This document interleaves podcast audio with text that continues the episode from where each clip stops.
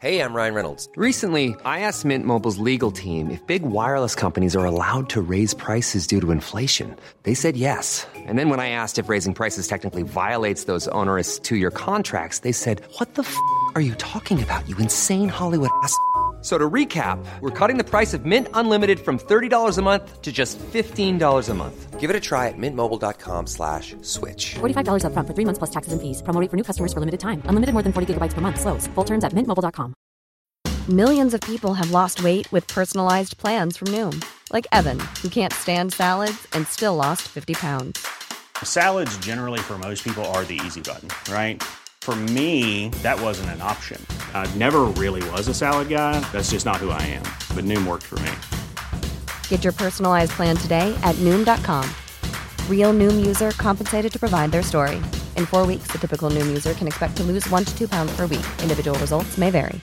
Cool fact a crocodile can't stick out its tongue. Also, you can get health insurance for a month or just under a year in some states. United Healthcare short term insurance plans, underwritten by Golden Rule Insurance Company, offer flexible, budget friendly coverage for you. Learn more at uh1.com.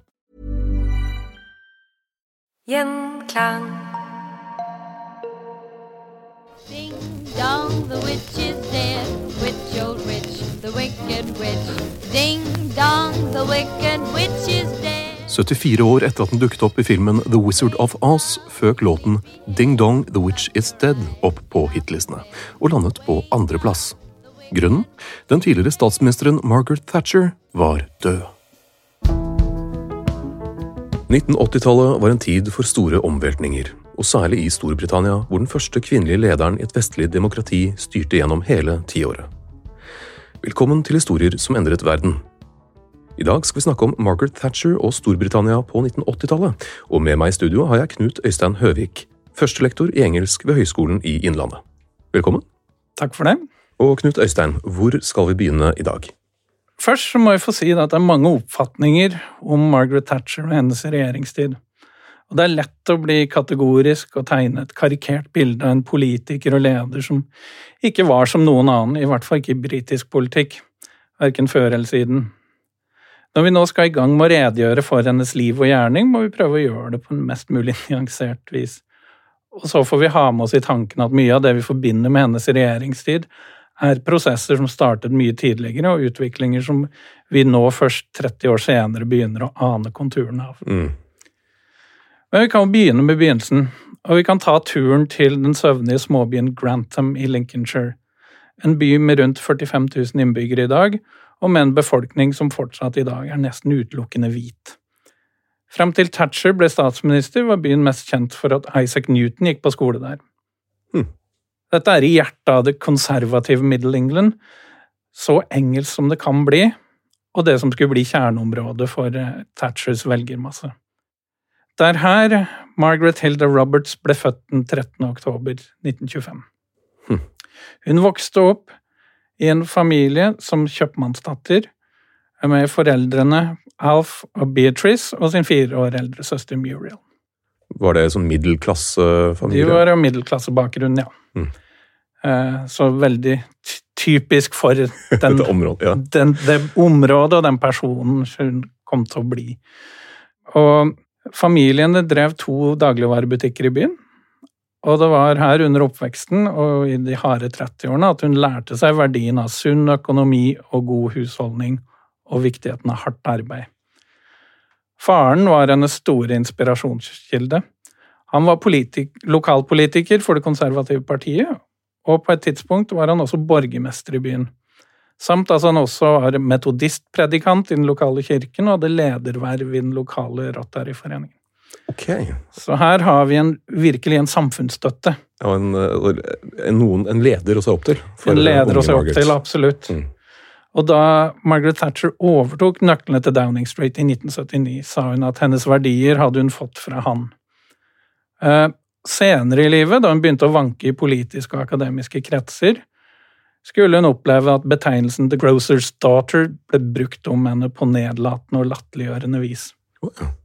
Jeg trodde det skulle være motsatt omtrent, jeg. Men Ja, nei Tory-partiet var styrt av ja, er overklassepersoner, ja, og det å slå gjennom de her eh, glasstakene var var krevende. Spesielt som dame. Som dame særlig, ja. Samtidig brukte hun dette for det det var verdt, og hun pleide å referere til Napoleon, som kalte Storbritannia en nasjon av kjøpmenn.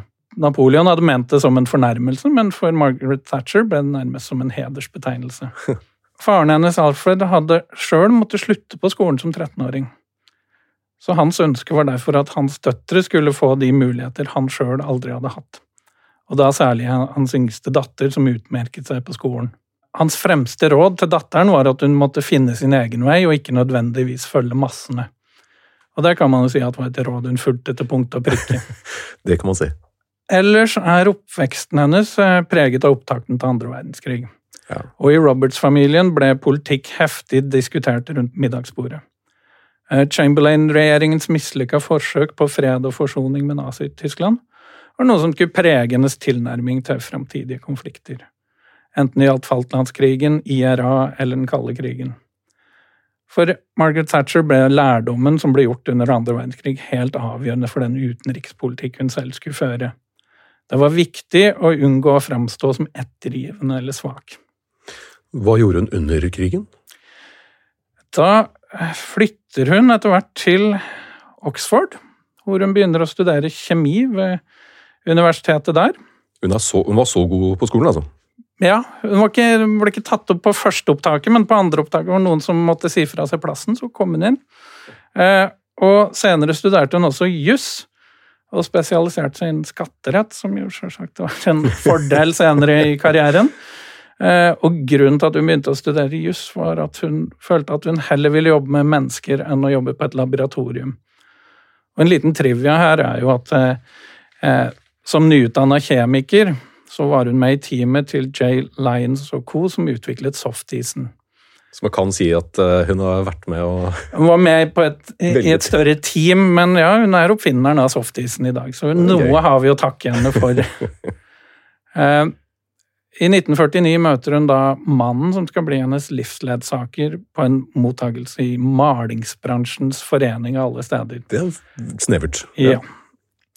Dennis Thatcher var ti år eldre, og var en forretningsmann. Eh, han var også skilt, og det sier jo noe om uh. at hun turte å gå egne veier, og i etterkrigstidens Storbritannia kan det ikke ha vært lett dette for de to å da gifte seg, som de gjorde i 1951.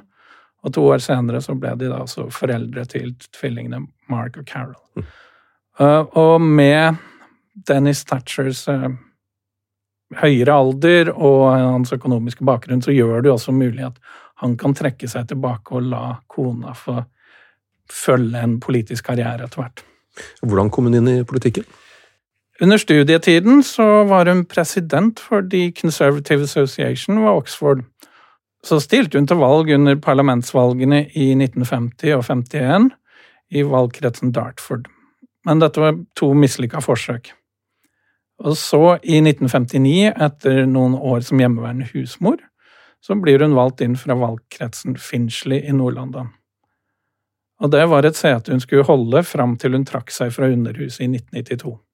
Og hun blir raskt kjent for sin store arbeidskapasitet, og får en statssekretærpost i Departementet for trygd og pensjoner i Harold Macmillans regjering, Eh, og etter de konservatives sjokkseier i valget i 1970, så blir hun utdanningsminister i Edward Heats regjering. Fram til da, så før hun ble statsminister, så var hun mest kjent for at hun i 1971 avskaffet gratis skolemelk i barneskolen. Dette var et svært upopulært tiltak, og av pressen ble hun jo da omtalt som Thatcher the Milk Snatcher, altså melketyven. Så må man òg ha med seg at allerede under Labour-regjeringen før det så hadde man avskaffet eh, skolemelk i ungdomsskolen, så det var ikke akkurat som at Nei. det var hun alene som gjorde det. Og media i avisene i England har jo De elsker en god overskrift. Ja. I 1974 så mister jo de konservative regjeringsmakten. Og året etter så utfordrer hun Edward Heats lederskap i partiet. Og utrolig nok så vinner hun også. Det var ingen på det tidspunktet som kunne se for seg at en kvinne kunne lede et politisk parti, og i hvert fall ikke det konservative partiet. Men var hun, var hun populær blant de konservative da, altså av sine medpolitikere? Hun hadde vel gode støttespillere, og så hadde vel Edward Heath en væremåte som òg gjorde at han klarte å skyve en god del viktige personer vekk fra seg. Mm. Men Heath han eh, tilga jo aldri Thatcher dette. Han så det som, på som et svik. Og, han fortsatte som parlamentsmedlem helt fram til 2001. Og med armene i kors og skulende ned på henne fra bakerste rad i Underhuset, så ble han hennes fremste kritiker. Og noen har omtalt det som historiens lengste sutring. ja, den, den ser jeg. Våren 1979. Da, da blir Margaret Thatcher den første kvinnelige statslederen i et vestlig demokrati. Og i England i tillegg, Storbritannia i tillegg. Hvordan uh, skjer noe sånt? Det er uh, Da må man egentlig forstå bakteppet her, og 1970-tallet var jo en tid preget av høy arbeidsledighet, uh, inflasjon, mektige fagforeninger.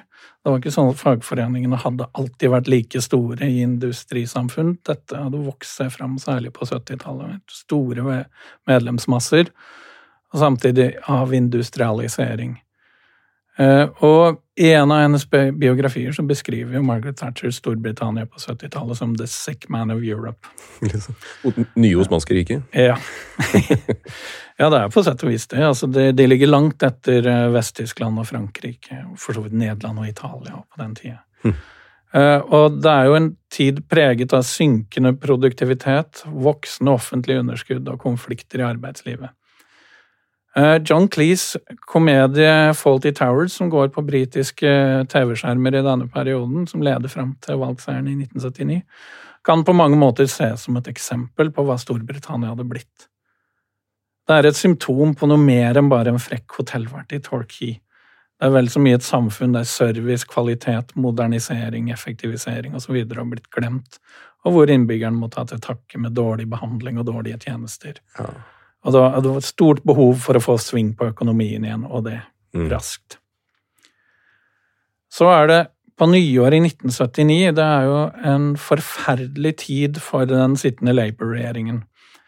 Under det som har blitt omtalt som The Winter of Discontent, som er for øvrig en referanse til Shakespeares eh, Richard III, Store slemmingen. ja, går flere fagforeninger til streik under det som er en av de kaldeste vintrene i manns minne. Oi. Eh, Det verste eksempelet er vel i Liverpool, da, hvor de som graver graver på kirkegården, var ute i streik, og lik ble altså liggende uavhentet. Eh, I tillegg til alt søppel som samla seg opp i gatene, mangel på strøm og kull osv. Og så i tillegg så starter jo statsminister James Callan nyåret ved å delta på en konferanse i Karibien og innvelga seg noen feriedager òg. Så når han kommer tilbake og står på Heathrow og prøver å berolige befolkningen Solbrun og tan. Solbrun og ja. Så, Hawaiiskjorte, sikkert. så var det egentlig der han Da var det allerede over for Labour og Callan. Ja.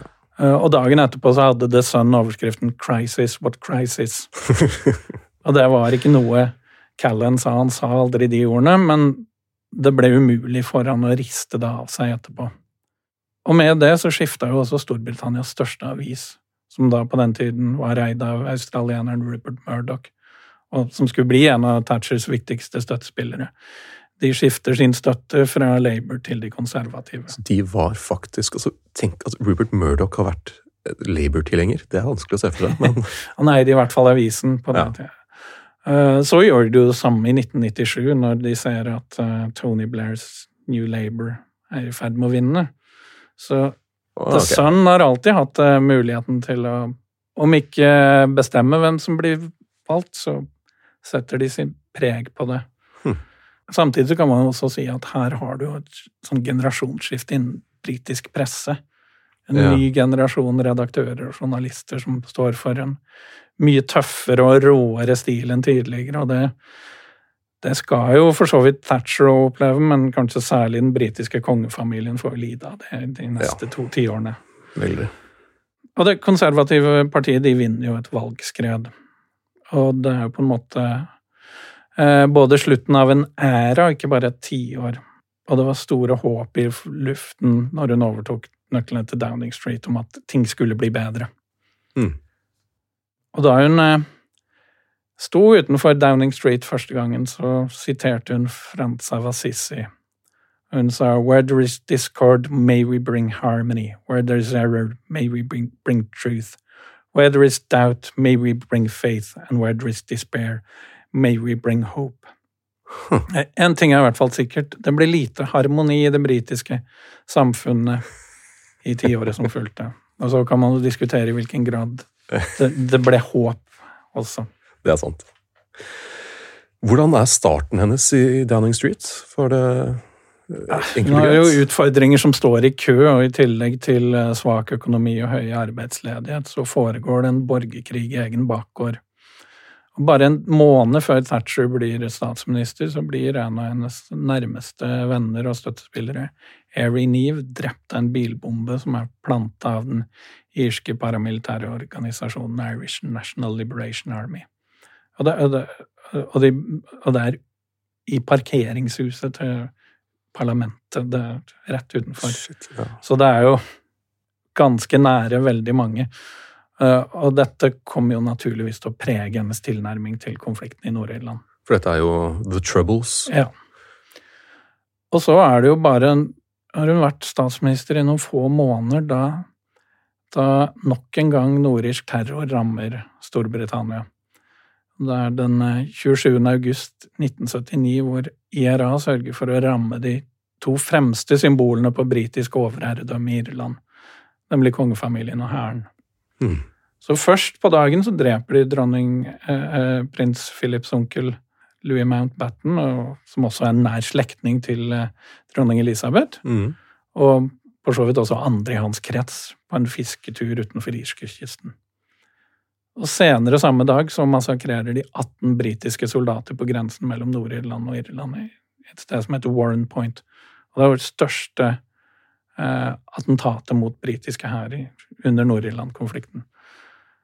Dette er jo en av de mørkeste dagene i den britiske historien. Men så er det kanskje det som skjer to år inn i hennes første regjeringsperiode, som virkelig setter henne på prøve. For da begynner republikanske fanger i det beryktede Mace-fengselet i Nord-Irland Ja. å sultestreike. Dette er en taktikk som nordirske republikanere har brukt i tidligere tider. Thatchers syn på irske republikanere var at de var terrorister og måtte behandles på samme måte som andre kriminelle. Mm. Og som hun sa, crime is crime is crime, it's not political. De mente de var politiske fanger, hun mente de var terrorister. Ja. Og sultestreikerne ønsket jo rettigheter som andre politiske fanger. Den holdningen som hennes regjering hadde, var for så vidt en holdning som britiske myndigheter, uavhengig av partitilhørighet, hadde hatt siden konflikten blusset opp i 1968. Så Labour òg ville hatt samme tilnærming til den problematikken.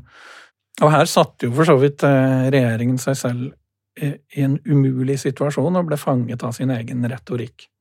Selv om det, selv om det fantes hemmelige bakkanaler og noen forsøk på forhandlinger, så ville et verst forsøk på å innrømme noe som helst bli sett på som en seier for den republikanske bevegelsen. Mm. Og den britiske opinionen ville antageligvis straffe regjeringen i neste valg, hvis det ble framstilt på den måten. Ja. Og så på den annen side så er det jo et enormt internasjonalt press. Og her er det jo den irske staten inne, Vatikanet er inne, USA Altså det er mange som prøver å legge press på det. Og, og det er ikke bare regjeringa som blir ramma her. Her er det også dronning Elisabeth er på statsbesøk i Norge når disse sultestreikene pågår. Okay. Og blir jo møtt med sinte demonstranter og høyt sikkerhetsoppbud og stor mediedekning. Så det var vel noen som kasta egg, tror jeg, på bilen hennes eller noe sånt. Så. Oh. I andre tider ville det kanskje vært sett på som majestetsfornærmelse, men her var det sterke følelser i sving. Oppi det hele så dør parlamentsmedlemmet for Fermanagh og South Tyrone i Nord-Irland. Og da er det jo sånn at det arrangeres da et suppleringsvalg for den valgkretsen. Og da Ja. melder eh, republikanske bevegelsen inn Bobby Sands, lederen for de sultestreikende IRA-fangene, som kandidat. Og han vinner. Og da begynner man å få mange forklaringsproblemer. Da er han i hvert fall en politisk fange. Ja, det kan man si. Og det er jo da mange som da stiller spørsmål med hvordan Thatcher som kvinne og mor kunne sitte og se på at mennesker begikk kollektivt selvmord på hennes vakt. Ja. Og det utløser jo et enormt sinne i store deler av verden, men særlig det katolsk-nasjonalistiske eh, miljøet i Nord-Irland. Men hvordan stiller, la oss si engelskmenn, da, seg til, eh, til dette? Stiller de seg bak Thatcher og regjeringen, eller er det blanda? I stor grad ja, fordi de har vært ramma av terror. Altså, det, man må huske at 70-tallet har de jo opplevd bomber i, i eh, både Guilford og London og eh, Birmingham, så det er et stort sinne mot, eh, mot nordirske katolikker generelt, men, også en sånn frustrasjon over hele provinsen, uavhengig av etnisk eller religiøs tilhørighet, at dette er bråkmakere som ødelegger eh, samfunnet på sett og vis. Da. Det er vanskelig å forstå, ikke sant. Altså, en ting er gruvestreikene som på en måte blir annonsert, og så rammer den økonomisk og sånn, men i, i liten grad noen som dør som Ja. resultat av det. Mens altså, sjøl på 90-tallet så var det jo vanlig med at eh, evakuering av T-banestasjoner pga. bombetrusler og sånn i London. Så det jo liksom Det blir jo en del av livet, og så Man kan si på en måten så en siden så har aldri Nord-Irland vært en sak en, en politisk sak som kan vinne noe valg. Nei. Men i det klimaet som fantes på den tiden, så var det definitivt en, valg, en sak som kunne gjøre at man tapte et valg. Mm. Så det er ganske sånn sterk motstand mot ja, det som foregår, da. Så da må hun i hvert fall stå med ryggen rak. Ja. Og så, tre år senere, så blir jo Thatcher og det konservative partiet rammet av en bombe under landsmøtet i Brighton. Fem mennesker dør, og 31 mennesker blir skadd. Og til tross for det så går hun altså på talerstolen bare noen få timer etter attentatet. Hun var våken, hun skulle til å gå og legge seg da bomben sprenges i tre tida på natta. ikke sant? Og det sier noe om hennes mentale styrke, og så sier det også litt om den generasjonen hun tilhørte. Altså, dette var den generasjonen som var vokst opp med stiff upper lip, og som Mm. tålte enhver påkjenning og utfordring. Og... Men det må også koste utrolig mye å gjøre det. Ja. Og, og i etterkant så er hun jo livredd, og hun innser vel det at uh, dette kommer ikke til å gå bort. Dette, hun kommer til å være på dødslisten til IRA, som på den tiden var kanskje den mektigste terrororganisasjonen i verden. Og, og i etterkant av bombingen så sendte IRA ut en pressemelding med følgende uhyggelige beskjed. Today we were unlucky, but remember, we only have to be lucky once. You have to be lucky always. Det sier litt. Og det er jo derfor hun da eh, skaka og livredd, eh, og med det sjokket tar initiativ til The Anglo-Irish Agreement i 1985. Mm. Eh, og Storbritannia innleder forhandlinger med den irske staten om Nord-Irlands framtid. Så kan man si at selve avtalen var mislykka på kort sikt, og hun klarte å erte på seg unionisten, altså de med protestantisk opphav også, i tillegg. Så her har hun bare uvenner eh, etter hvert. Men samtidig så legger det grunnlaget for at de første skrittene mot fredsprosessen på 1990-tallet kan bli tatt.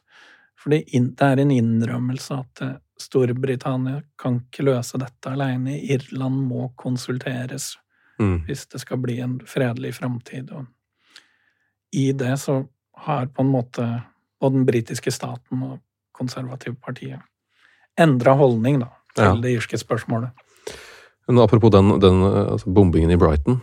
Eh, Jeg hadde hørt et sted, eller lest et sted, at eh, hun pleide å sove altså, fire timer om natten eller noe, og var akkurat ferdig med å skrive et Ja. dokument. Ja, Og det var det. gikk bomben, og hun spurte egentlig ja, har mannen min det bra. Topp stemning. Ja. Da, Så så gå rett på talerstolen, det er jo ja. Ja. Altså, det, de, ja, de første årene av hennes regjering så må de jo ha hatt eh, nok å stri med. Men det er jo ikke bare i Irland det skal være problemer. For det er jo en liten eh, øygruppe i Sør-Atlanteren utenfor Argentina som dukker opp. Eller dukker Ja. opp og dukker opp, men problemer dukker opp. Ja, utvilsomt. Og det blir jo hennes redning, på sett og vis. De første årene av hennes regjeringstid hadde jo vært prega av raseopptøyer, Nord-Irland, rekordhøy arbeidsledighet. Det var over tre millioner arbeidsledige, og det varte i I flere år. Så hun hadde rukket allerede å bli den mest upopulære britiske statsministeren i historien. Og så kommer vendepunktet med Falklandskrigen.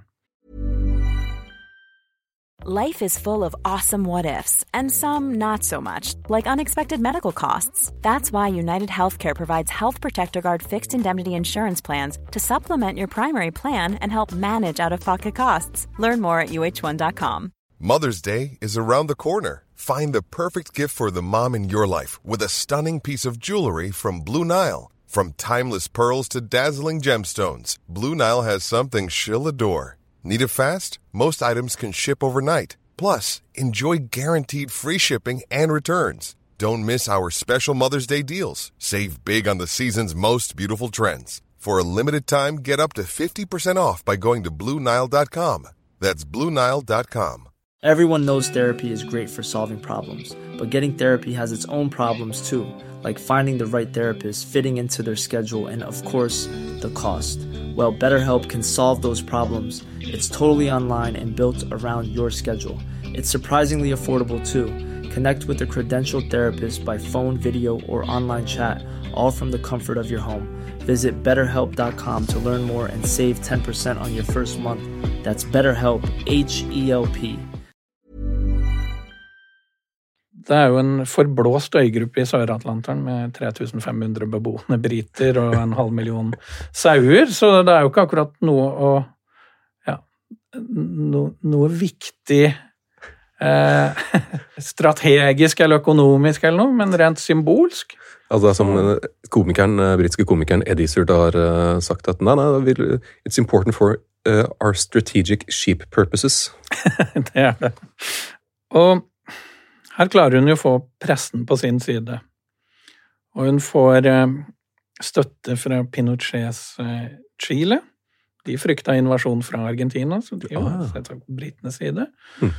Og så er det vel USA prøvde vel å forhandle, men samtidig så var de litt stilltiende i sin, um, sin støtte. Reagan og Thatcher hadde jo fått et uh, special relationship, og USA hadde jo invadert eh, Grenada, altså en tidligere britisk koloni, så her var de på en måte eh, De fikk lov til å eh, gjøre som de ville, på sett og vis, og i motsetning til sultestreiken også, hadde de jo verdensopinionen på sin side, for det var jo Argentina som hadde angrepet, og Det Argentina det. var et, et militærdiktatur.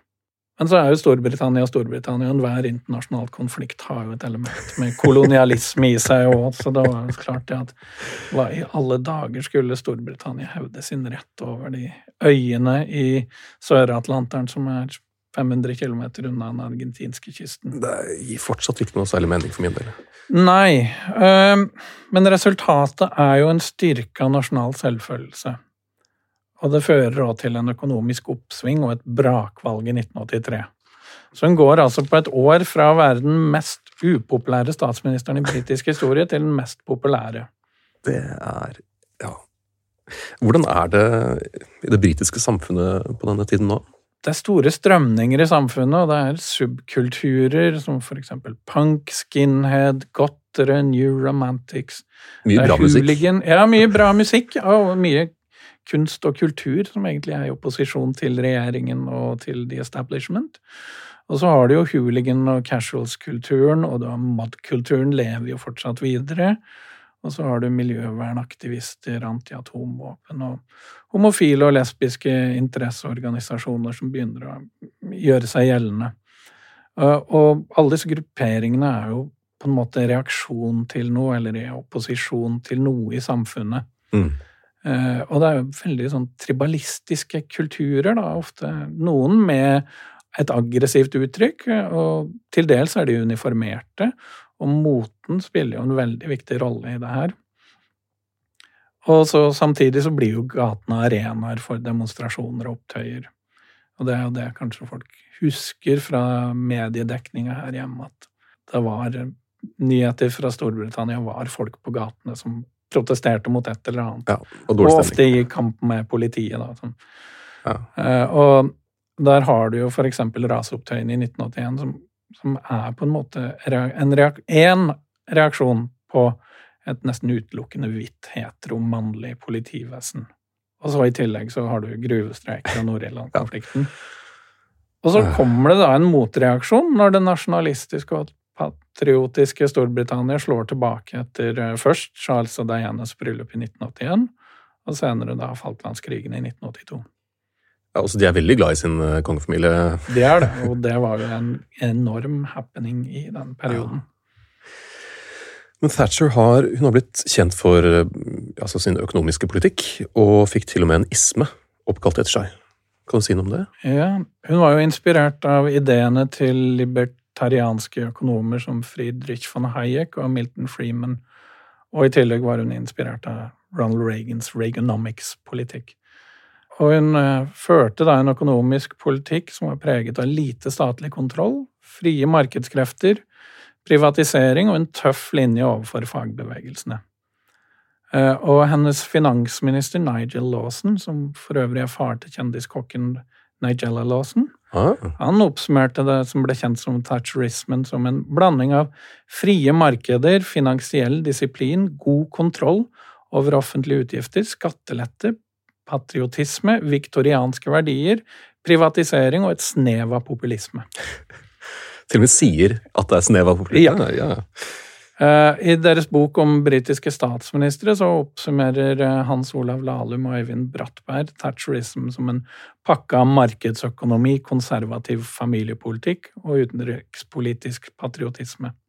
Men selv om thatcherisme ble sterkt knyttet til hennes person og politikk, så var det et begrep Thatcher sjøl nesten aldri brukte. Og Thatcher hun tilhørte jo en generasjon konservative politikere som hadde fått nok av den konsensus og forsoning og enhet som preget britisk politikk i etterkrigstida. Ja. Eh, de ønska reformer, og de ønska endringer, og det skulle skje raskt. Og de hadde ikke så mye til overs for den tidligere ledelsen av det konservative partiet, hvor mange tilhørte overklassen og aristokratiet.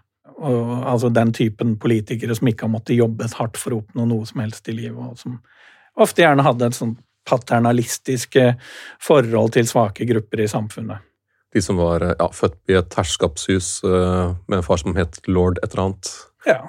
Winston Churchill, Anthony Eden videre. I tillegg så hadde Thatcher liten forståelse for politikere som ikke kunne stå for det de mente. Og da særlig de som ikke kunne gjennomføre upopulære tiltak. Mm. Uh, og de mer moderate partifellene i sitt eget parti omtalte hun som wets. Altså, de var svake og uten ryggrad.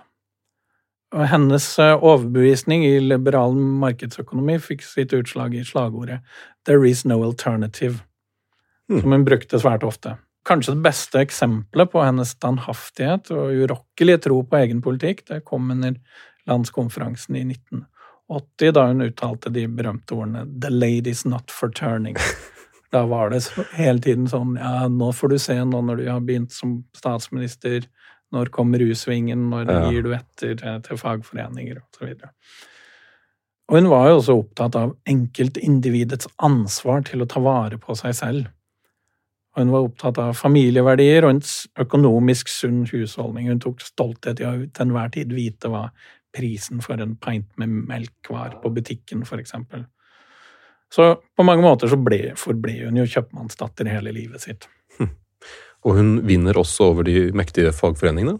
Ja, i 1984-85 så finner de store, den store gruvearbeiderstreken sted. Eh, og dette regnes jo som et avgjørende punkt i den britiske arbeiderbevegelsens historie, og slutten på fagbevegelsenes storhetstid i Storbritannia den uhyre raske overgangen til et postindustrielt samfunn, som for så vidt hadde starta lenge før Thatcher flytta inn i Downing Street, mm. men som skyter stor fart på 1980-tallet. Det får store sosiale ringvirkninger i industrialiserte områder. Og da særlig i Skottland, i det sørlige Central Belt, og i Nord-England, særlig nordøst, og i Yorkshire og i Sør-Wales. Og vi har tidligere nevnt at hun fikk store deler av pressen på sin side, men i konfliktene med fagforeningen så hadde hun også stor hjelp fra politiet. Altså, det var jo, altså, hun ble jo lite populær blant store deler av befolkningen. Dette er jo eh, vanvittige mange mennesker som blir rammet av dette her. Men samtidig så skal man være klar over at hun sørga altså for at utrolig mange fikk nye muligheter. Mm. Og det, det, det, det, tradisjonelle, veldig klassesegregerte britiske samfunnet åpnes på sett og vis opp for at uh, det finnes muligheter for uh, sosial mobilitet for de som evner og vil. Og der får du jo sånne overraskende utslag som jappetiden, da, med hvor ja. Taxisjåfører fra Essex plutselig er inne og er aksjespekulanter i The City of London og sånn, som tidligere var eh, et område som var, hørte til overklassen og de med Oxbridge-utdannelse og Så, videre her. så det er mange som får nye muligheter, og også det at uh, de starter en storstilt uh, kampanje for at personer skal kunne kjøpe sine egne hjem. Mm. Så tidligere council houses, altså eid av lokale kommunestyrer og som nå kan selges da til, til enkeltpersoner som Før så leide man bare? Ja. ja. Så bare det at du var sønn eller datter av en, en som jobbet i en kullgruve, så betød ikke det at det måtte du også gjøre videre? Nei. Men det er jo også samtidig så blir jo mye av makta sentralisert i London. Mm. Så den endrer seg ikke. Det har vi jo sett at det har vært vanskelig å reversere også.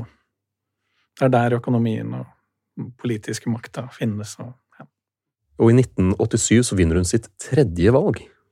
Ja, da er hun på toppen og virker mer eller mindre uovervinnelig. Altså, hun har vunnet Falklandskrigen, hun har overlevd bomben i Brighton, og hun har knust fagforeningene.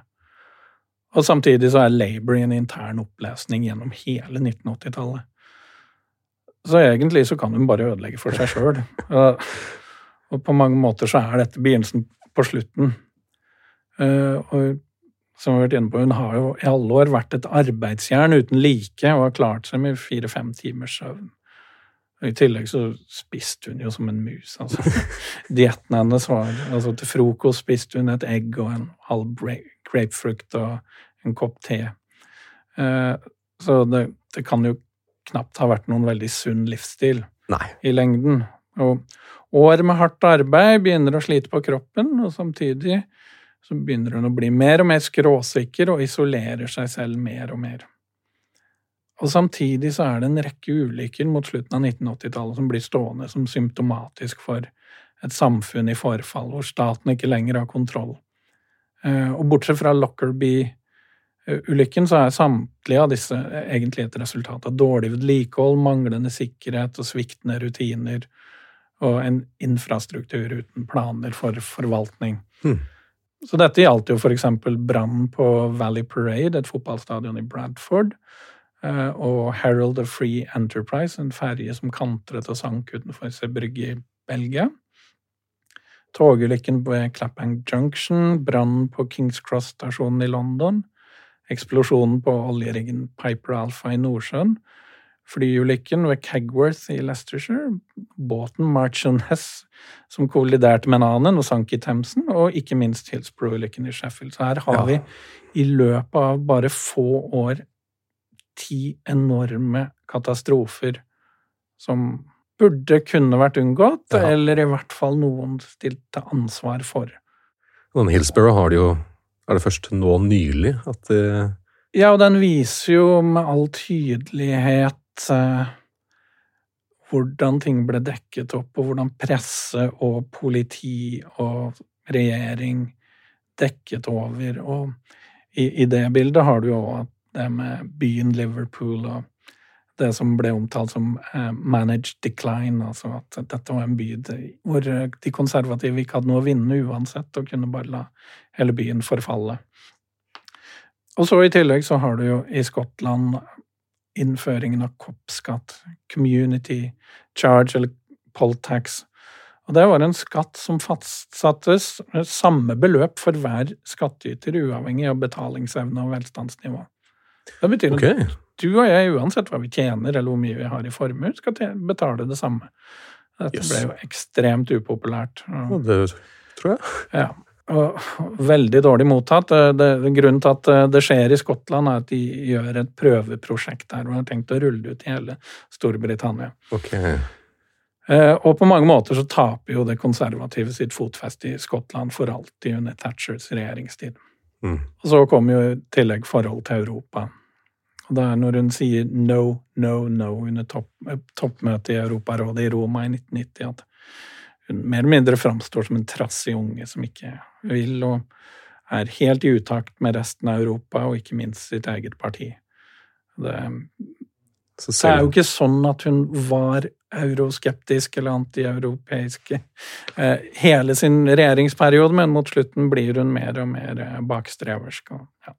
og, og syns òg at hun lever godt med alle de her eh, betegnelsene hun har fått som Iron Lady og Battling Maggie og alt sånt, men det at hun blir framstilt som noe vanskelig person overfor Europa, det syns hun er vanskelig, da, at, eh, og sårt i sine biografier. Hun, hm. ja. Men uh, altså, du også nevnte at hun ikke var i altså at hun var i utakt med eget parti. Har det da har hun blitt for si, vanskelig for dem også?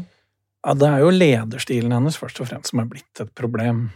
Og hun mister jo tilliten, og hun mister tilliten blant de rundt seg. Og hun blir utfordra av Michael Hasseltine først, eh, eh, og senere så kommer jo da hennes lengste og mest betrodde statsråd, Jeffrey Howe, sin tale i Underhuset, hvor han langt på vei antyder at tiden er kommet for å trekke seg. Mm. Og da vet hun, og hun kaller det jo inn én etter én, men hun vet at hun har ikke deres tillit og støtte lenger. Og så til slutt så blir det jo en moderat politiker i John Major som overtar som statsminister. Det var han som hadde de tjukke brilleglassene? Ja. ja. Mm. Hvordan var hun egentlig som en person?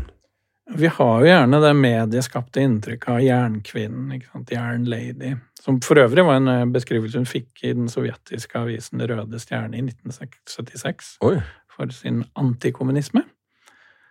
Men hun var også en person som privat kunne utvise stor omsorg for de rundt seg og mennesker hun møtte.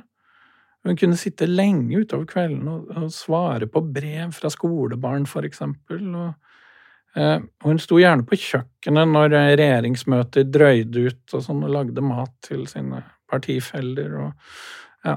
Så hun hadde noen sånne egenskaper, men det var Hun gjorde aldri noe nummer ut av det. ikke sant? Altså, dette det har med oppveksten hennes å gjøre, bakgrunnen, og, eh, og kanskje altså En tid før det med politiske spinndoktorer og eh, reklamefolk og sånn, hvor ja. altså å skaffe seg billige politiske poeng gjennom å framstå som ja. Ekstra sympatisk. Ja. Det, det, var ikke helt henne. Men samtidig så gjorde hun jo lite for kvinnesaken, eksempel. Mange hadde jo store forhåpninger til at hun kunne ja, første, løfte ja. kvinner i, både i Storbritannia og ellers. Uh, men altså i hennes uh, regjeringstid så utnevnte hun kun én kvinnelig minister. Yes. I TV-serien The Crown så får vi et inntrykk av at Thatcher og dronning Elizabeth ikke kom overens. Var det, var det sånn? Nei, det tror jeg nok ikke. Altså, der uh, tror jeg nok produsenten har tatt seg en del friheter. Man skulle jo kanskje tro at eh, ja, på den ene siden, de var jevnaldrende damer, at de hadde mye til felles. Og de hadde jo òg det til felles at de hadde barn som eh, ofte dumma seg ut i offentligheten. Så, så, man skulle jo kunne se for seg at de hadde ting å prate om. Men så var det jo det at bakgrunnen, oppveksten, var jo så ulik. Og de hadde et veldig profesjonelt forhold, men noe særlig nært vennskap utvikla seg vel aldri. Og i Thatchers biografier er det jo veldig få referanser til eh, dronningen. Så kan man kanskje si jo at hun hadde ikke noe behov for å referere til de samtalene, fordi hun så på de som konfidensielle. Og, ja. Ja. Men eh, du nevnte jo barn som eh, dummer seg ut. For sønnen til Margaret Thatcher, Ja. hva gjør han for noe? Eh, nei, han gjorde vel mye rart, men eh, en av de tingene han gjorde, var jo at han eh, hadde forretningsinteresser i Sør-Afrika. Og på 1980-tallet er jo dette under apartheid-regimet. Eh, og hvorvidt det hadde noe med han å gjøre, eller om hvorvidt eh, det var en rasistisk holdning fra Downing Street, det tror jeg ikke noe på. Men det er jo et problem, da, og det blir et problem for Storbritannia at eh, under eh, toppmøtet i Nassau, i Bahamas, mener jeg, i 1985, så er jo både dronning Elisabeth og Margaret Thatcher til stede. Og samveldelandene prøver å enes om boikott av Sør-Afrika. Apartheidsystemet Ja. der. Mm. Og da vil ikke Thatcher være med. Og eh, det hun oppgir, og det får man jo tro at det er grunnen, er at hun trodde på frie markedskrefter. og At ja.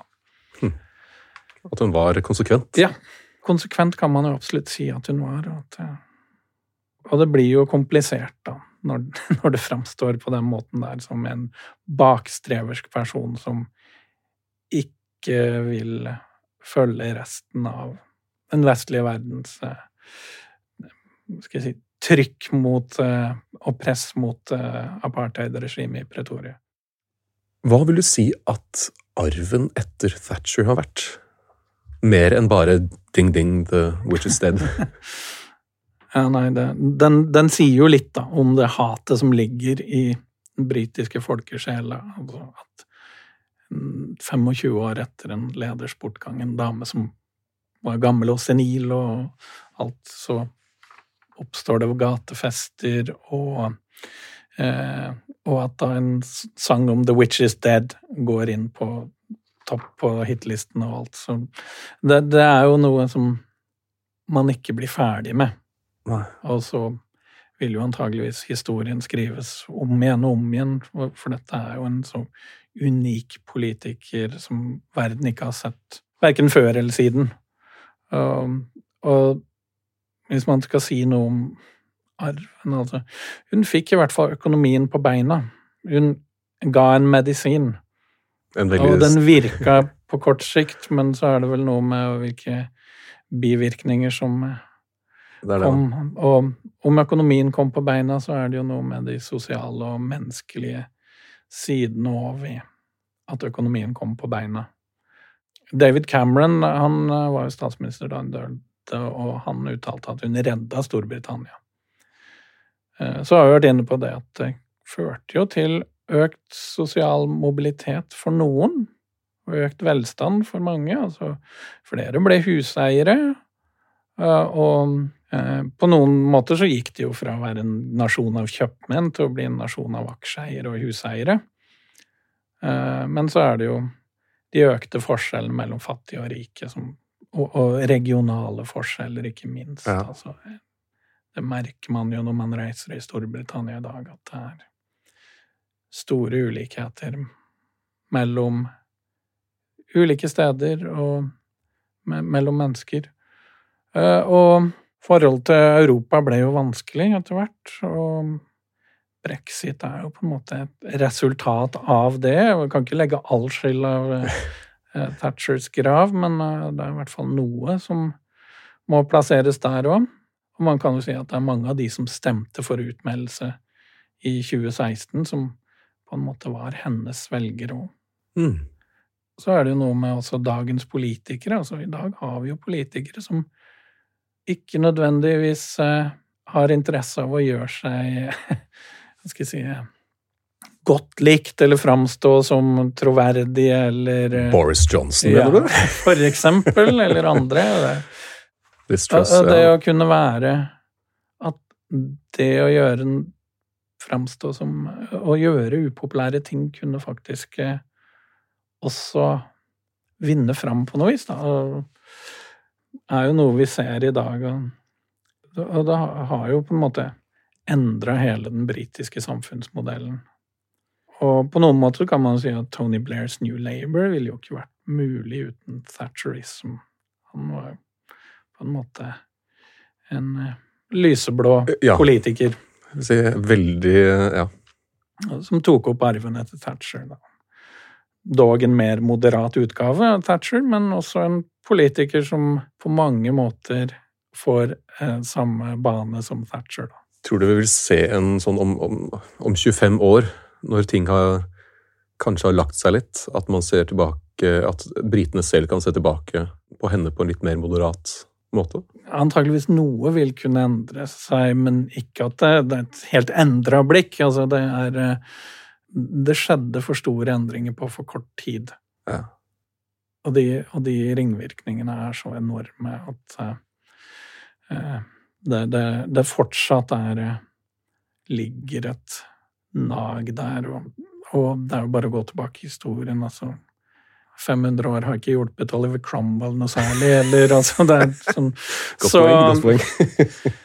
så Og det er jo klart, altså i 2022 så ble det avduket en eh, statue i Grantham av eh, Margaret Thatcher, og i løpet av et par timer så var det en tilgrisa egg, ikke sant. Altså. Og det er nesten som man forventer det. Ja. Som hun sa at hun ikke ønsket at noen skulle være lei seg under begravelsen sin, og en komiker svarte det blir ikke et problem. Så dette har vært Margaret Thatcher og Storbritannia på 1980-tallet. Tusen takk for at du kunne komme innom og prate om dette her, Knut Øystein Høvik. Tusen takk. Og så er det bare å sjekke ut Historisk endret verden på Instagram for litt bilder og ekstra fun facts. Og hvis du vil høre litt mer lokal historie, så kan du på mandag høre om dronning Margrethe. Christian Gilsvik får besøk av Are Sende Osen for å snakke om Kalmarunionens mor og den mektigste kvinnen Norden noen gang har sett. På gjenhør.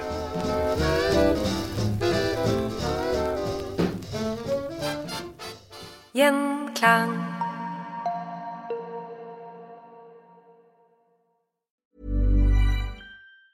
Mom deserves the best, and there's no better place to shop for Mother's Day than Whole Foods Market. They're your destination for unbeatable savings, from premium gifts to show-stopping flowers and irresistible desserts. Start by saving 33% with Prime on all body care and candles. Then get a 15-stem bunch of tulips for just $9.99 each with Prime. Round out Mom's menu with festive rosé, irresistible berry chantilly cake, and more special treats. Come celebrate Mother's Day at Whole Foods Market. Mom deserves the best, and there's no better place to shop for Mother's Day than Whole Foods Market. They're your destination for unbeatable savings, from premium gifts to show-stopping flowers and irresistible desserts. Start by saving 33% with Prime on all body care and candles. Then get a 15-stem bunch of tulips for just $9.99 each with Prime. Round out Mom's menu with festive rosé, irresistible berry chantilly cake, and more special treats. Come celebrate Mother's Day at Whole Foods Market.